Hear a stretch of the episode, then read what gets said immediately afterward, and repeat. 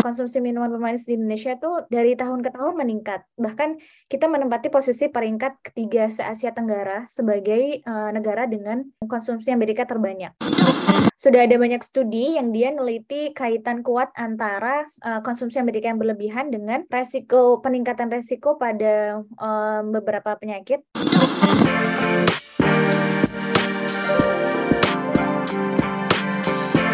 Hai sahabat TCID, kalian sedang mendengarkan podcast Suara Akademia. Ngobrol seru isu terkini bareng akademisi. Minggu lalu netizen banyak banget yang ngeributin soal salah satu brand minuman karena dianggap terlalu manis gitu dan akhirnya dia bikin um, apa ya sebuah petisi, bukan petisi sebuah tweet um, yang langsung nge-mention brandnya. Brand tersebut seperti tidak terima, ya kan, dan akhirnya membuat sebuah somasi yang dikritik sama banyak pihak, mulai dari penulisan suratnya, habis itu juga mulai dari um, isi suratnya dan masih banyak lagi. And now we're gonna talk about minuman manis yang Konon di tahun 2023 itu akan segera uh, diberikan cukai gitu. Apa penyebab uh, kebijakan ini akan diambil buat tahun depan? Sebenarnya ini adalah kebijakan yang benar atau mungkin urgent buat diambil? Kita bakal coba kulik di episode kali ini. Welcome to Suara Akademia with me Muhammad Syarif as podcast producer dari The Conversation Indonesia dan untuk episode kali ini kita bakal ngobrol bareng sama Mbak Gita Kusnadi dari Center for Indonesia Strategic Development Initiatives. Halo Mbak Gita, apa kabar Mbak? Halo Mas Syarif, Alhamdulillah kabar baik. Everything's good ya? Ya. Oke, okay. nah uh, Mbak Gita, sebelum kita mulai buat ngobrol nih, ini kan sebenarnya kebijakan untuk menerapkan apa ya, menerapkan cukai buat minuman berpermanis ini, itu udah ada mulai dari tahun 2016 gitu udah mulai dicanangkan um, ini kayak harus dilakukan tapi entah apa kabar habis itu hilang isunya muncul lagi hilang muncul lagi dan tiba-tiba boom gitu gara-gara akun Twitter tiba-tiba langsung kayaknya 2023 bakal diterapin sebenarnya alasan buat menerapkan cukai untuk minuman berpemanis ini tuh apa aja sih mbak alasannya?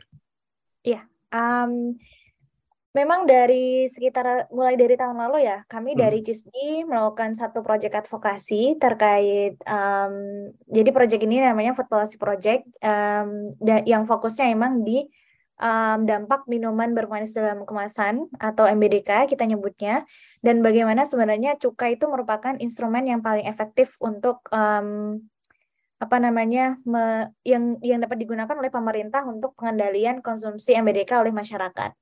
Nah, sebenarnya dari kajian yang kita lakukan, kita melakukan beberapa penelitian ya. Mulai dari um, pertama kita melihat studi kualitatif itu buat melihat um, urgensinya apa sih untuk ngelihat untuk untuk menerapkan cukai itu gitu. Terus kita juga um, melakukan studi komparasi juga gimana beberapa negara, terutama di negara-negara tetangga ya um, Asia Tenggara, mereka menerapkan cukai cukai mereka tuh uh, dengan seperti apa gitu. Terus um, kita juga melakukan studi kuanti juga yang akan kita launch di akhir bulan ini. Nah, um, dari studi yang kualitatif yang pernah kita lakukan itu, kita launch di bulan Maret, um, itu kita menggarisbawahi, menggarisbawahi beberapa faktor. Kenapa sih um, cukai Amerika itu perlu diterapkan di Indonesia? Jadi, ada beberapa hal yang bisa dipertimbangkan, yang seharusnya menjadi pertimbangan pemerintah untuk segera menerapkan uh, cukai Amerika. Yang pertama, tentunya dampak kesehatan. Jadi, sudah ada banyak studi yang dia neliti kaitan kuat antara uh, konsumsi Amerika yang berlebihan dengan resiko peningkatan resiko pada um, beberapa penyakit um, obesitas. Ter, uh, pertama ke obesitas dulu, di mana obesitas ini faktor resiko utama ke uh, further diseases gitu, kayak uh, diabetes, PTM ya terutama diabetes, hipertensi, uh, penyakit jantung dan lain-lain gitu. Um, terus kalau kita lihat memang data uh, konsumsi minuman bermanis di Indonesia itu uh, dari tahun ke tahun meningkat. Bahkan kita menempati posisi peringkat ketiga se-Asia Tenggara sebagai uh, negara dengan um, konsumsi Amerika terbanyak. Um, terus di lain hal itu uh, ternyata pas kita cross check ke data kesehatan, data data-data um, penyakit di Indonesia, kita mendapati um, fakta bahwa obesitas tuh udah meningkat dua kali lipat dalam uh, satu dekade terakhir. Um, sekarang penderita diabetes, eh, penderita obesitas tuh um, ada sekitar dua dari 10 orang Indonesia yang mengalami diabetes sementara dulu tuh baru satu per sepuluh.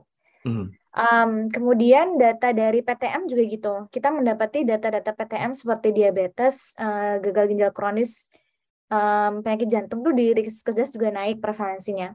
Terus pas kita cek ternyata di data dari Global Burden of Disease, beban penyakit itu um, kita dapati fakta bahwa ternyata 7 dari 10 penyebab kematian tertinggi di Indonesia itu um, adalah uh, PTM Hmm. Terus ternyata diabetes menempati peringkat ketiga dari daftar uh, penyebab kematian tertinggi itu yang sebelumnya satu dekade sebelumnya itu tahun 2009 um, itu diabetes masih menempati posisi ke-6. Jadi dari situ tuh kita ngelihat ya urgensi kenapa sih cukai MBDK perlu untuk segera diterapkan.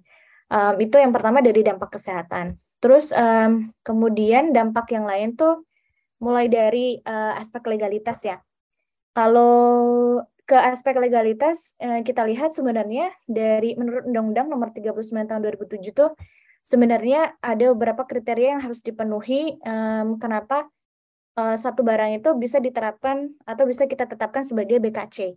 Hmm. Ada beberapa kriterianya, uh, konsumsinya harus dibatasi, kemudian uh, distribusinya harus diawasi, konsumsinya berdampak negatif ke masyarakat atau lingkungan, Nah, beberapa kriteria itu sebenarnya sudah dipenuhi sama MBDK gitu. Jadi kita ngerasa uh, toh dia udah masuk ke kriteria MBDK karena dia harus dikendalikan konsumsinya. Dia punya dampak negatif ke masyarakat gitu. Jadi sebenarnya dia sudah memenuhi aspek legalitas sebagai BKC gitu. Jadi memang uh, secara legalitas dari um, apa ya standar minimalnya sebuah barang kena cukai itu dari um, minuman berpermanis dalam kemasan ini emang udah waktunya buat dikenain gitu ya Mbak ya? Yes. Ah, nah ini lumayan menarik gitu. Uh, for the healthy gini, buat alasan kesehatan gitu. Tadi sempat dimention sama Mbak Gita juga bahwa uh, penyakit tidak menular, especially diabetes, ini tuh menjadi naik banget. Salah satu pemicunya adalah minuman berpermanis dalam kemasan ini nih yang konsumsinya makin ke sini makin naik. Nah, kalau misalnya emang ini diterapkan nih Mbak Gita gitu, min, uh, let's say minuman berpemanis dalam kemasan tuh semua dikasih cukai gitu ya, uh, entah hmm. berapapun gitu nominalnya antar. Ya. Ini adalah salah satu langkah untuk ngerem konsumsi supaya akhirnya pertumbuhan diabetes jadi lebih terkontrol kah gitu, hmm. atau hmm. sebenarnya uh, apa ya, ada langkah yang lain gitu yang bisa dilakuin? Ya, um, Sebenarnya kalau kita lihat dari upaya yang sudah dilakukan oleh pemerintah untuk pengendalian um, apa ya perilaku hidup tidak sehat, hmm. itu pemerintah sudah melakukan beberapa upaya ya, termasuk uh, promosi uh, apa namanya uh, GGL, uh, hmm. itu garam gula lemak. Jadi uh, beberapa tahun terakhir tuh dari Kemenkes memang sudah melakukan upaya promotif untuk um, campaign gitu ke masyarakat, melakukan edukasi ke masyarakat kalian seharusnya sehari itu konsumsi gula garam lemak tuh segini gitu. Hmm. Nah, um, melihat dari situ tuh uh, kita merasa sekarang pun belum ada perubahannya gitu. Dan kita ngerasa memang dari kajian yang kita lakukan untuk mendorong satu perubahan perilaku ke masyarakat itu nggak bisa dari upaya promotif aja, tapi harus dibarengi dengan uh, kebijakan yang mendukung. Nah, salah satunya adalah um, cukai ini sebagai kebijakan fiskal. Karena um, by default memang tujuan pengertian cukai itu kan dikenakan untuk pengendalian ya um, hmm. apa namanya konteksnya. Jadi dari sini kita ngerasa kalau um, oke okay, upaya promotif sudah dilakukan oleh pemerintah. Terus um, sekarang apalagi gitu. Nah yang perlu kita dorong adalah adanya kebijakan yang kuat yang uh, bisa dilakukan untuk mendukung upaya-upaya yang sudah dilakukan gitu. Uh, termasuk upaya promotif tadi. Dan kita juga melihat kalau di beberapa negara lain di negara Amerika Latin misalkan memang upaya-upaya yang um, upaya promotif aja itu nggak cukup. Tapi uh, dengan adanya upaya pengenaan cukai MBDK itu juga bisa um, mendorong uh, apa namanya um, pengendalian uh, konsumsi atau gaya hidup yang tidak sehat di masyarakat tadi um, untuk mencapai atau mencegah uh, adanya prevalensi yang lebih dalam beberapa penyakit gitu. Salah satunya diabetes karena hmm. uh, kaitannya yang erat, yang sangat erat dengan konsumsi uh, minuman bermanis yang berlebihan gitu. Ya, yeah. tadi uh, Mbak Gita juga mention gitu kalau misalnya di beberapa negara gitu ya, especially Amerika Latin sudah melakukan langkah preventif ini nih gitu, memberikan cukai untuk minuman berpemanis dalam kemasan. Uh, negara mana ya sih yang udah berhasil melakukan langkah ini? Jadi minuman berpemanis, let's say teh A gitu ya brandnya atau teh B atau minuman karbonasi A gitu yang tiba-tiba udah yeah. dikasih cukai dan berhasil kebijakan itu justru di negara mana nih? Iya, um, sebenarnya kalau dari globally ya, dari seluruh dunia tuh sudah ada sekitar lebih dari 50 negara yang menerapkan. Hmm. 40 di antaranya tuh mereka menerapkannya di tingkat nasional.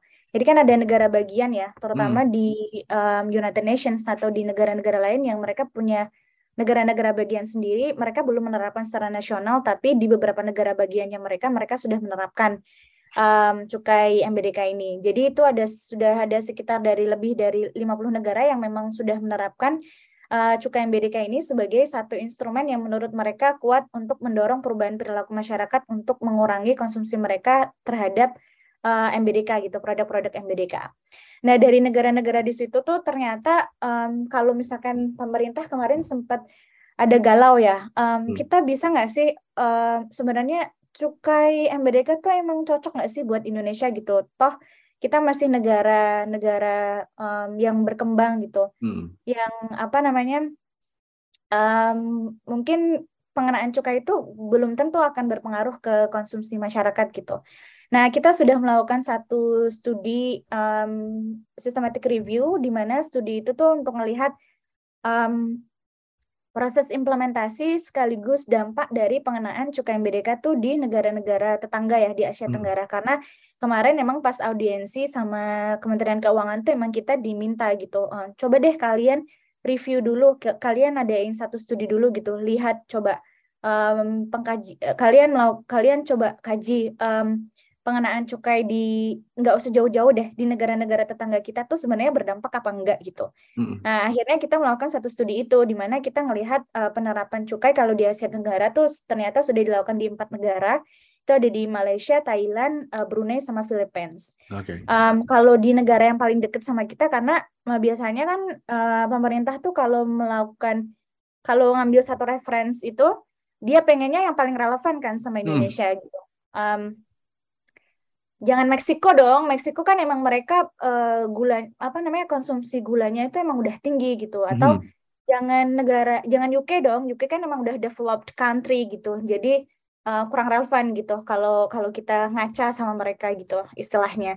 Nah, terus akhirnya kita melakukan satu studi di uh, Asia Tenggara itu kan. Terus kita ngelihat kalau sebenarnya mereka punya driver yang sama. Pengenaan cukai di negara-negara itu tuh emang buat uh, melakukan pengendalian konsumsi karena mereka tahu uh, cuk, uh, apa namanya konsumsi yang berlebihan yang berlebihan itu tadi dia sangat uh, berkaitan erat dengan uh, rasiko yang lebih terhadap beberapa penyakit obesitas dan beberapa penyakit tidak menular tadi atau PTM.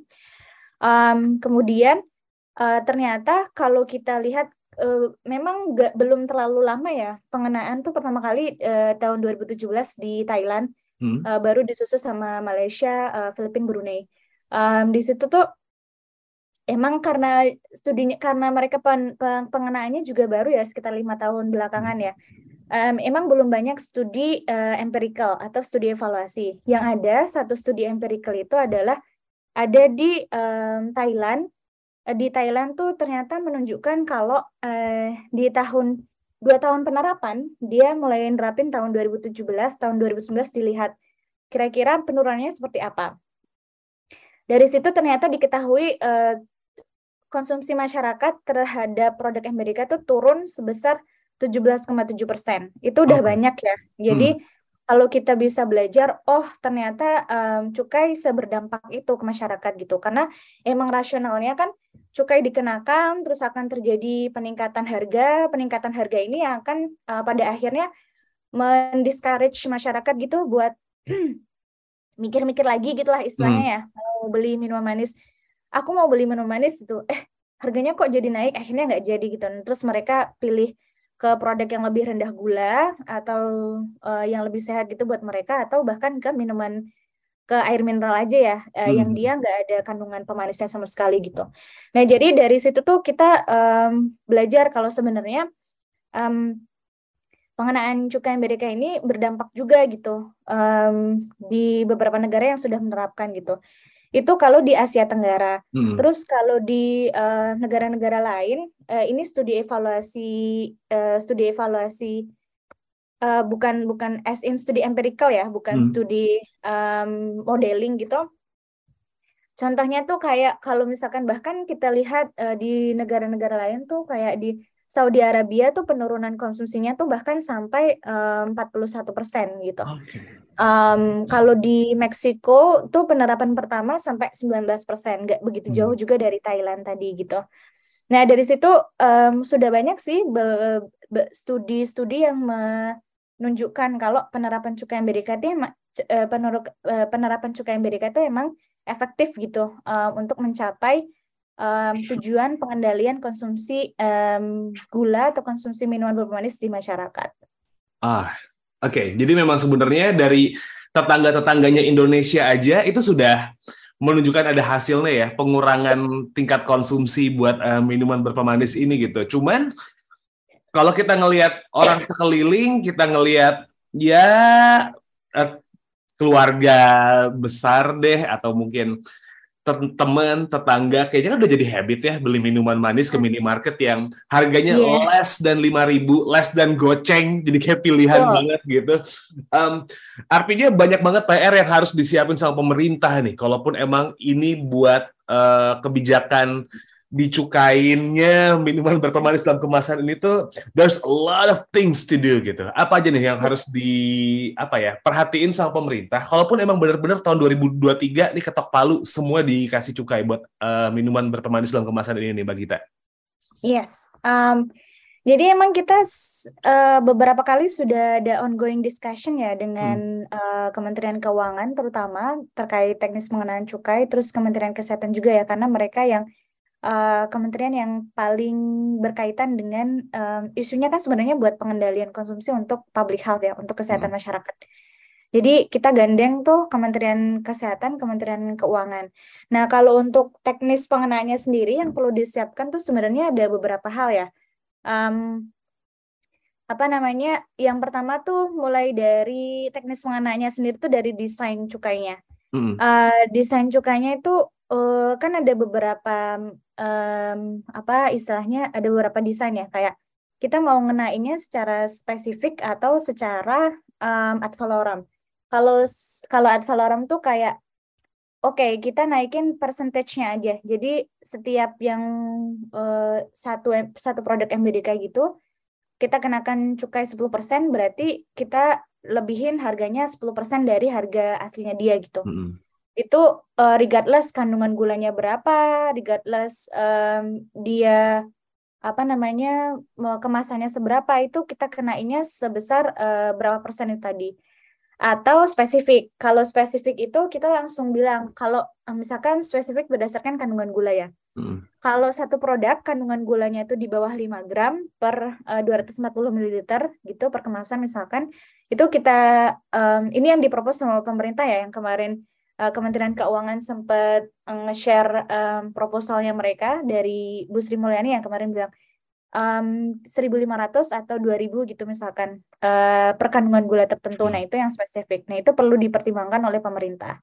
Kemudian um, um, objek cukainya sendiri. Kalau hmm. objek cukai itu lebih ke ini mau dikenakan ke pangan olahan aja atau pangan siap saji. Ini yang jadi debate kemarin kan. Yeah. Kalau um, ya kan yang ada minuman pemanis gitu yang sekarang lagi banyak sekarang udah kayak menjamur banget kan di mana-mana tuh mesti ada kopi-kopian um, es teh es tehan hmm. gitu-gitu kan minuman-minuman boba-bobaan yang kayak gitu-gitu yang sebenarnya itu um, regulasinya belum uh, apa ya aktualisasi dari regulasi yang sudah dikenakan oleh pemerintah itu emang uh, belum dikaji lebih gitu. Hmm. Um, nah itu juga perlu dipertimbangkan gitu. Ketika nanti cukai dikenakan, itu mau ke produk yang saat ini uh, dia udah jelas pangan olahan aja, pabrikan gitu, yang ada di minimarket minimarket atau di toko-toko itu, atau termasuk yang siap saji, yang ready to drink gitu, yang kemarin lagi viral kayak gitu ya itu mau dicukaikan juga apa enggak gitu itu juga satu hal yang perlu dipertimbangkan oleh uh, pemerintah Cuman ya kemarin um, uh, apa namanya pesan advokasi dari JISDI sebaiknya kita kenakannya secara komprehensif ya karena kita um, sebaiknya menghindari perubahan perilaku masyarakat ke produk-produk yang tidak dikenakan cukai gitu. Mm. Kan tetap ada ada tetap ada celah kan di situ nanti kalau oh ada produk yang dikenakan cukai, ada yang enggak gitu. Otomatis masyarakat tetap aja bisa dong mempertimbangkan oke, okay, kalau uh, misalkan minuman vitamin C itu dikenain cukai ya udah deh aku pindah aja ke uh, minuman-minuman yang tidak dikenakan cukai gitu. Padahal hmm. gulanya juga sama-sama tinggi gitu. Nah. Jadi sama aja kan. Nah, itu juga harus uh, uh, dipertimbangkan sama uh, pemerintah. Kemudian mulai ke uh, teknis pengenaan. Kalau hmm. teknis pengenaan tuh lebih ke kapan mau melakukan sosialisasi dulu, terus kapan mau memberikan pelaku-pelaku usaha itu masa untuk melakukan um, istilahnya tahap transisi ya. Oh udah dikenakan, berarti uh, mereka dikasih waktu berapa waktu berapa lama gitu untuk melakukan um, proses transisi untuk termasuk ya kalau misalkan um, tergantung nanti um, teknis pengenaannya gimana ya. Kalau misalkan yeah. uh, gu berdasarkan gula berarti mereka harus ngelaporin kan kandungan gula di produkku tuh segini jadi aku harus kena kena kena cukai segini gitu. Um, seperti itu. Jadi itu juga harus dipertimbangkan uh, proses transisinya dari pelaku usaha. Kemudian um, mulai tahap pengenaan terus monitoring. Itu juga perlu kan pastinya. Jadi yeah. oke okay, kita mulai official um, impose tax untuk sugary drinks itu mulai dari kapan tapi kita nggak bisa berhenti di situ kan. Jadi pemerintah hmm. perlu perlu perlu ini juga uh, mempertimbangkan monitoringnya nanti akan seperti apa gitu. Um, apakah nanti apa namanya uh, dilakukan monitoring itu dalam jangka waktu tertentu hmm. atau atau seperti apa gitu. Kan mesti juga ada um, sanksi juga misalkan kalau buat produk-produk um, yang dia belum juga mematuhi peraturan itu akan dilakukan sanksi apa seperti itu. Itu juga. Terus um, terakhir paling ke ini kali ya. Uh, setelah pengenaan kan ke teknis penerimaan dan earmarking. Hmm. uh, nanti mau dipakai ke mana nih pengenaan cukainya kalau yang kita propose kan memang untuk uh, peningkatan pelayanan kesehatan ke masyarakat ya Kemarin kita sudah melakukan survei online juga itu um, ke 2.600 responden dari seluruh provinsi Indonesia. Mereka 80% tuh ngedukung kalau masyarakat, kalau pemerintah mau menerapkan cukai MBDK. Tapi um, ada catatan juga um, kalau kita nanya lagi, kalau misalkan cukai MBDK digunakan untuk um, uh, peningkatan pelayanan kesehatan masyarakat, menurut kalian gimana gitu? Mereka um, 80% itu setuju juga kalau pengenaan cukai itu nantinya akan digunakan untuk peningkatan uh, pelayanan kesehatan untuk masyarakat gitu. Jadi harapannya oke okay, cukai dikendalikan, eh konsumsi minuman manis dikendalikan, tapi mereka juga dapat masyarakat itu juga dapat dampak lebih di mana uh, pelayanan kesehatan masyarakatnya dapat ditingkatkan gitu. Mm-hmm. Entah itu dalam hal um, service yang secara langsung, pelayanan kesehatan secara langsung dalam bentuk pengobatan ya atau dalam bentuk upaya uh, promotif dan preventif gitu. Jadi itu uh, apa beberapa hal yang perlu dipertimbangkan sih gitu um, sama pemerintah. Yeah. Terus aku hari ingat uh, tadi kan ngomong kalau di beberapa negara tadi misalkan di negara Amerika, Amerika hmm. Latin tuh mereka kompre, um, apa namanya intervensinya dari pemerintah tuh nggak um, cuma cukai aja gitu. Hmm. Nah ini juga kalau um, apa pemerintah Indonesia nanti mulai akan officially menerapkan tuh seharusnya um, kalau misalkan kita emang uh, tujuan utamanya adalah untuk melakukan atau mendorong perubahan perilaku perilaku masyarakat itu cukai aja nggak cukup kan tadi okay. jadi harus dibayangi harus dibarengi upaya promotif terus um, termasuk upaya regulasi food labeling yang lebih jelas biar masyarakat hmm. tahu mana minuman yang sehat mana yang enggak. Yang kemarin ramai juga hmm. um, kayak masyarakat mulai questioning kan. Jadi kalau minuman kayak gini tuh kan seharusnya mereka mencantumkan kandungan gula garam lemaknya gitu. Yeah. Um, cuman kita somehow meskipun itu udah di ter, udah dicantumkan gitu di label kayak masyarakat belum terlalu ngerti nggak sih kalau oh ini kandungannya 30 gram and that's it gitu. Yeah. Kita nggak tahu 30 gram itu tinggi apa enggak gitu. Nah, itu mm -hmm. perlu pengetatan um, apa peraturan food labeling sih menurut mm. kita. Jadi biar masyarakat tuh lebih aware, oh ini produk sehat, ini produk nggak sehat gitu. Um, terus termasuk pelarangan iklan. Um, kalau kita lihat kayak di Tobacco ya, hmm. kan ada ada emang emang pem, emang fokus di kampanyenya kan emang untuk mengurangi um, apa namanya prevalensi merokok. Hmm. Jadi kalau ada iklan kayak nggak boleh ada iklan yang nunjukin kalau dia itu ngerokok, terus uh, dibatasi jam 10 malam biar anak-anak nggak ke expose gitu-gitu. Menurut kita itu penting juga di MBDK karena kalau kita lihat sekarang tuh iklan-iklan MBDK tuh mesti sama artis-artis yang dia influencer yang dia emang punya dampak yang gede banget di masyarakat gitu. Terus kayak lucu-lucu gitu buat anak-anak. Hmm. Jadi kita ngerasa itu juga berdampak sih kenapa konsumsi masyarakat um, ke produk MBDK tuh tinggi. Um, itu sih Oke, okay. jadi memang um, ini masih banyak benang yang harus diurai ya, Mbak Gita. Especially ini yes. uh, tadi ngomongin soal minuman berpemanis ini, ternyata nggak cuma yang bentuknya kalengan atau botolan yang dijual di minimarket, yang hmm. Boba-bobaan, teh-tehan, kopi-kopian yang di pinggir jalan itu juga sebenarnya juga harus dikontrol karena kadang-kadang yes. suka ngaco juga sih ngasih gula tiba-tiba dua sendok yeah. gitu, nggak tahu betul. berapa takarannya gitu-gitu ya. Betul betul. Oke, okay. nah ini uh, wacananya juga sebenarnya mungkin uh, sudah mulai dikaji lebih dalam gitu. Jadi uh, kita tinggal menunggu aja implementasinya untuk tahun 2023 akan seperti apa karena pasti akan ada step-stepnya untuk melakukan penerapan uh, cukai kepada minuman berpemanis dalam kemasan ataupun juga minuman berpemanis yang memang ada.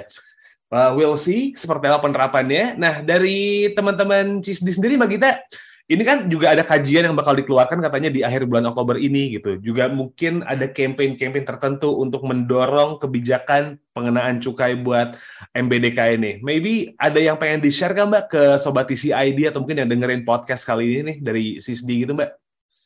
Iya, um, kebetulan memang saat ini untuk um, apa namanya mendorong um, support gitu kita kita berusaha ngeliatin ke pemerintah kalau sebenarnya kita semuanya uh, masyarakat tuh ngedukung aja kok hmm. kalau uh, pemerintah itu melakukan uh, pengendalian uh, konsumsi MBDK itu melalui pengenaan cukai. Nah, kita sedang bekerja sama dengan uh, change.org untuk melakukan um, untuk mengumpulkan ini ya petisi di mana di di mana di situ um, apa namanya kita me, me, apa istilahnya mengumpulkan uh, support dari masyarakat untuk segera mendorong uh, pengenaan cukai MBDK oleh oleh pemerintah gitu. Nah, hmm. sampai saat ini uh, petisi ini sudah ditandatangani oleh 9.800 um, masyarakat gitu. Itu udah jumlah yang cukup banyak ya. Jadi uh, buat um, apa namanya rekan-rekan uh, dari uh, uh, buat rekan-rekan yang uh, pendengar setiap podcastnya TCID kita rekomend banget untuk gabung untuk ngedukung kita buat um, ngedorong uh, pemerintah untuk segera menerapkan uh, cukai MBDK ini dengan menandatangani petisi. Petisinya ada di uh, change.org slash aku bijak minum sehat. Uh, nanti okay. di situ teman-teman bisa ikut tanda tangan dan kita bisa bareng-bareng uh, ngedorong pemerintah untuk segera uh, menerapkan cukai MBDK. Oke, okay. aku bijak minum sehat, change.org slash aku bijak minum sehat, ABMS-nya gede ya? Ya. Oke. Okay. Yang peduli sama kesehatan nih, ya Sobat TCID itu ikutan tuh. Emang sih seger kadang-kadang kalau ngerasain minuman yang di kulkas, kelihatan keringetnya dalam tanda petik gitu, tapi badan lebih harus diperhatikan ya. Kalau gitu Mbak Gita, ada lagi yang pengen disampaikan kah? Um, sepertinya cukup sih. Uh, hmm. Jadi kita minta uh, bantuan dari sobat-sobat TCID untuk uh, nge-support kita dalam uh, penandatangan petisi yang segera juga akan kita serahkan ke pemerintah untuk uh, sebagai dorongan agar mereka segera menerapkan cukai mereka. Terus um, jangan lupa kalau misalkan rekan-rekan mau sobat TCID mau tahu um, apa namanya kajian-kajian CISDI ataupun uh, posting-posting terkait um, minuman bermanis gitu. Jadi kita sering melakukan um, apa namanya uh, campaign gitu di Instagram kita namanya FY Indonesian. Bisa dicek um, di IG. Di situ ada konten-konten kita yang ngedorong um, apa namanya uh, yang bikin yang coba kita buat untuk nge-raise awareness kalau Amerika tuh nggak sehat gitulah intinya. Um, itu terus di akhir bulan ini kita juga akan ada diseminasi dari studi kuantitatif kita ya terkait um, yang melihat uh, elastisitas harga dari produk MBDK jadi kita mau melihat kira-kira kalau cukai diterapkan perubahan demand di masyarakat itu seperti apa sih? Nanti uh, stay tune. Nanti kita akan infokan di um, FI Indonesian situ. Ah, okay. uh, sama di beberapa channel sisi yang lain juga ya pastinya. Oke, okay. so jangan lupa follow at Cisdi underscore ID sama at FY Indonesians buat tahu um, apa ya movement dan juga riset-riset yang dilakukan sama teman-teman CISD dan jangan lupa juga sobat ID follow at conversation IDN buat tahu semua berita yang uh, diupload sama The Conversation Indonesia. Check our website, follow our social media. You can have uh, the recent news from us gitu. Kalau gitu, Mbak Gita, thank you. Sekalian pamit juga buat Sobat ID yang udah dengerin episode kali ini. Thank you so much. I'll see you on the next episode. Wassalamualaikum warahmatullahi wabarakatuh. Kalian telah mendengarkan podcast Suara Akademia. Ngobrol seru isu terkini bareng akademisi.